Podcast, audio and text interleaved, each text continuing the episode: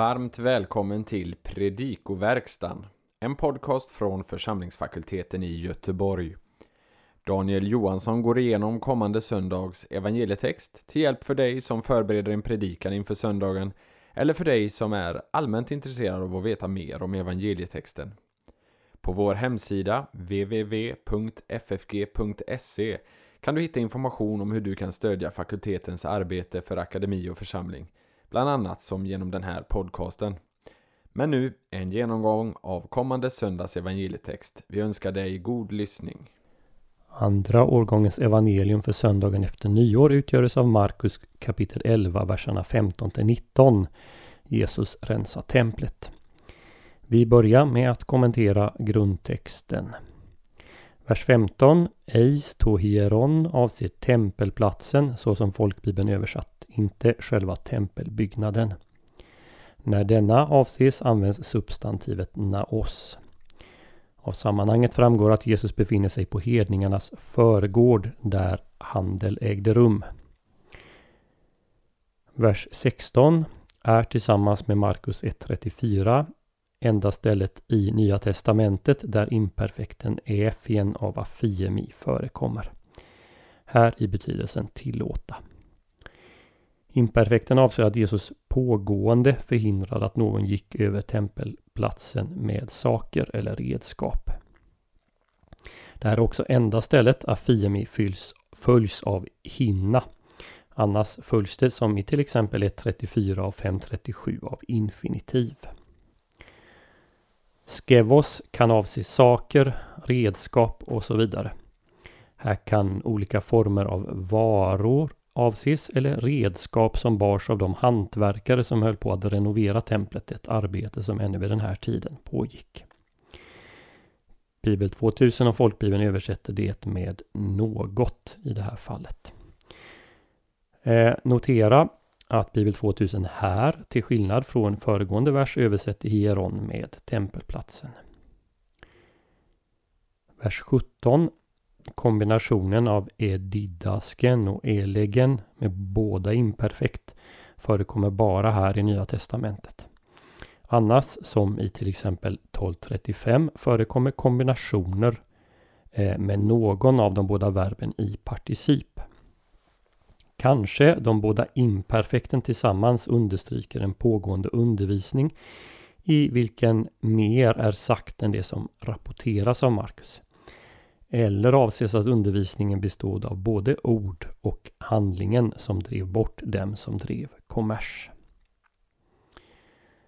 Vers 19. Adverbet exo fungerar i den här versen som en preposition som tar genitiv. De gick från staden. Verbet exe på revonto är en imperfekt eh, och torde beskriva själva vandringen ut från staden. Notera här att verbet står i tredje person pluralis. De går ut från staden. Så översätter Bibel 2000. Folkbibeln däremot översätter i singularis han gick ut och tycks här följa textvarianter i Sinaiticus och majoritetstexten för att nämna några. Där står verbet i singularis. Texten eh, tillhör ett längre avsnitt i Markus evangeliet som inleds med Jesu intåg i Jerusalem. Lägg märke till att Markus där betonar att Jesus kommer till själva templet och ser sig omkring där i vers 11. Han spenderar sedan natten i Betania innan textens händelse utspelar sig dagen därpå. Vårt avsnitt är ett lysande exempel på Markus så kallade sandwich-teknik eller vi skulle kunna säga hamburgarteknik där vår text utgör själva hamburgaren och det som sker före och efter är hamburgerbrödet. På väg in till Jerusalem förbannar Jesus ett fikonträd. Det beskrivs i verserna 12 14. Och dagen därpå, verserna 20-21, upptäcker lärjungarna att fikonträdet har vissnat. De här båda händelserna, det som sker med fikonträdet och rensandet av templet, hänger samman och uttolkar varandra. På, avståndet, eh, på avstånd så ser fikonträdet ut att bära frukt, men det visar sig inte göra det. Templet är som fikonträdet. Utåt sett är det en imponerande vacker byggnad där Israels Gud dyrkas. Men eh, Jesu inspektion visar att de ansvariga för templet var mer intresserade av kommers än att alla människor, både judar och hedningar, där skulle kunna be till Gud. Vi kan dela in eh, texten i tre delar med en omramande inledning och avslutning som beskriver hur Jesus och lärjungarna kommer till respektive lämnar Jerusalem. Eh, I vers 15a så kommer Jesus och lärjungarna till Jerusalem. 15b till 16 beskriver tempelrensningen. Jesu undervisning utifrån Gamla Testamentet får vi i vers 17. De judiska ledarnas svar i vers 18 och så sägs och beskrivs hur Jesus och lärjungarna lämnar staden i vers 19. Templet i Jerusalem var vid den här tiden en av de mest praktfulla byggnaderna i världen. Av en del betecknat det tredje templet så överträffade det Salomos tempel. Serubabels tempel, det efter exilen återuppbyggda templet, hade ju inte nått upp till det gamla templets storhet. Men Herodes hade år 20 f.Kr. påbörjat en nästan total makeover av templet och dessutom initierat en enorm utbyggnad av själva tempelområdet. Arbetet med själva templet det var klart på ett par år men området som helhet lär inte ha stått färdigt förrän år 66 efter Kristus. Arbetet lär alltså ha pågått när de här in händelserna inträffar. Jesu förbud mot att bära något över hedningarnas förgård kan ju därmed bland annat vara riktad mot hantverkarna som arbetade på området. De stenar idag, eh, så, som man kan se än idag, den så kallade klagomuren, kommer från plattformen till den utbyggnad av tempelområdet som Herodes lät göra. Tempelområdet som helhet var tidens största tempelkomplex, omkring 300 gånger 500 meter stort och bestod av fyra delar. Det största området var hedningarnas förgård, där vår händelse utspelar sig. Innanför denna avskild från den med ett staket låg kvinnornas förgård och där fanns också Israels förgård dit bara judiska män hade tillträde. Och så var där själva templet med det heliga och allra heligaste. Att kommers av det här slaget, att man eh, sålde offerdjur, att det förekom på hedningarnas förgård, tycks ha varit något relativt nytt. Enligt några visserligen osäkra källor ska översteprästen år 30 efter Kristus ha tillåtit att handeln med djur som bedrevs på Olivbergets sluttning åtminstone till viss del flyttade in på tempelområdet. Eh, tempelskatten eh, som enligt Andra Mosebok 30, 11-16 skulle betalas Eh, den fordrade att man växlade till sig ett, eh, en sikel i silver från Tyrus.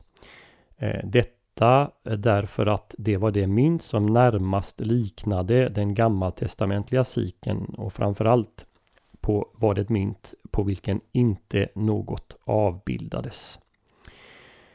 Man kunde växla in dessa mynt ut i provinserna eh, runt Jerusalem från och med den 15 i månaden före påsken och på tempelområdet fem dagar innan eh, påskmånaden Nisan inföll, alltså innan den första Nisan.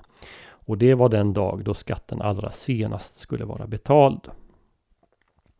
Både försäljningen av offerdjur och valutaväxlingen innebar förtjänst för dem som kontrollerade området, det vill säga översteprästerna.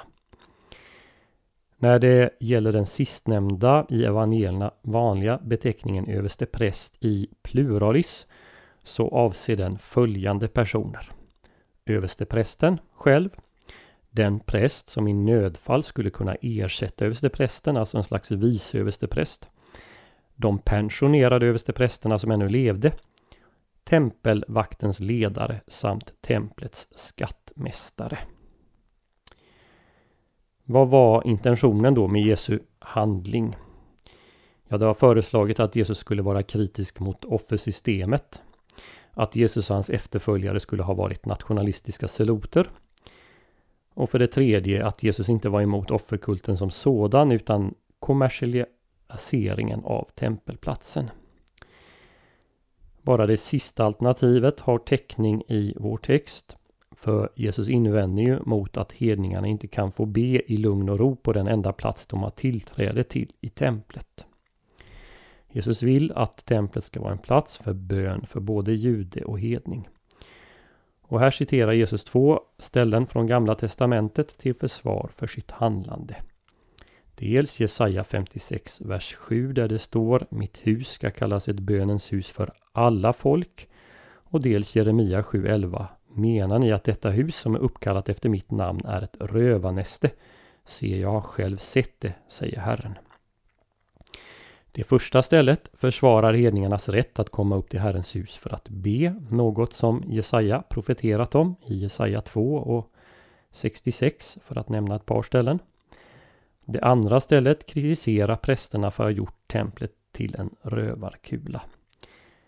Det innebär inte nödvändigtvis att Jesus kritiserar dem för exakt samma synder som Jeremia gjorde. Men han antyder nog därmed att straffet ska bli detsamma, det vill säga att templet ska gå under. Läs gärna Jeremia 1-15 i sin helhet. Och det här var ju också något som Jesus antytt med förbannandet av fikonträdet. Det finns en djupt allvarlig ironi i Jesu agerande. Folket förväntade en Messias som skulle kasta ut hedningarna från templet och Jerusalem. Men Jesus anklagar, anklagar det judiska ledarskiktet för att hindra hedningarnas tillträde till templet och därmed uppfyllandet av löftena om hedningarnas tillbedjan av den ende sanne guden i Jerusalem. På ett djupare plan kan man väl i de här händelserna se en antydan om det nya templet, det vill säga Jesus och kyrkan. Eh, se till exempel hur det här beskrivs i första Korintierbrevet 3, 16-17, 12, 27 och i Johannes kapitel 2, vers 13-23. I Markus evangeliet så finns det vissa eh, kopplingar, antydningar om den här saken. Först i rättegången mot Jesus som ju tar upp anklagelsen att han ska bryta ner och resa upp templet på tre dagar. Markus 14, 57-59. Det här är ju en anspelning på Jesu död och uppståndelsen på den tredje dagen. Och även då det som sker i samband med Jesu död på korset, nämligen att förlåten som skilde det allra heligaste från de övriga delarna av templet, eh, nämligen delas. Därmed utsägs att Jesus är den genom vilken man kommer till Gud, den genom vilken man tillber Gud. Så hoppas vi att denna genomgång får bli till hjälp och välsignelse för dig som har lyssnat. På vår hemsida www.ffg.se kan du hitta information om hur du kan stödja fakultetens arbete, bland annat som genom den här podcasten. Ett sätt att stödja är att skänka en gåva genom Swish. Församlingsfakultetens swishnummer är 123 100 8457. Alltså 123 100 8457.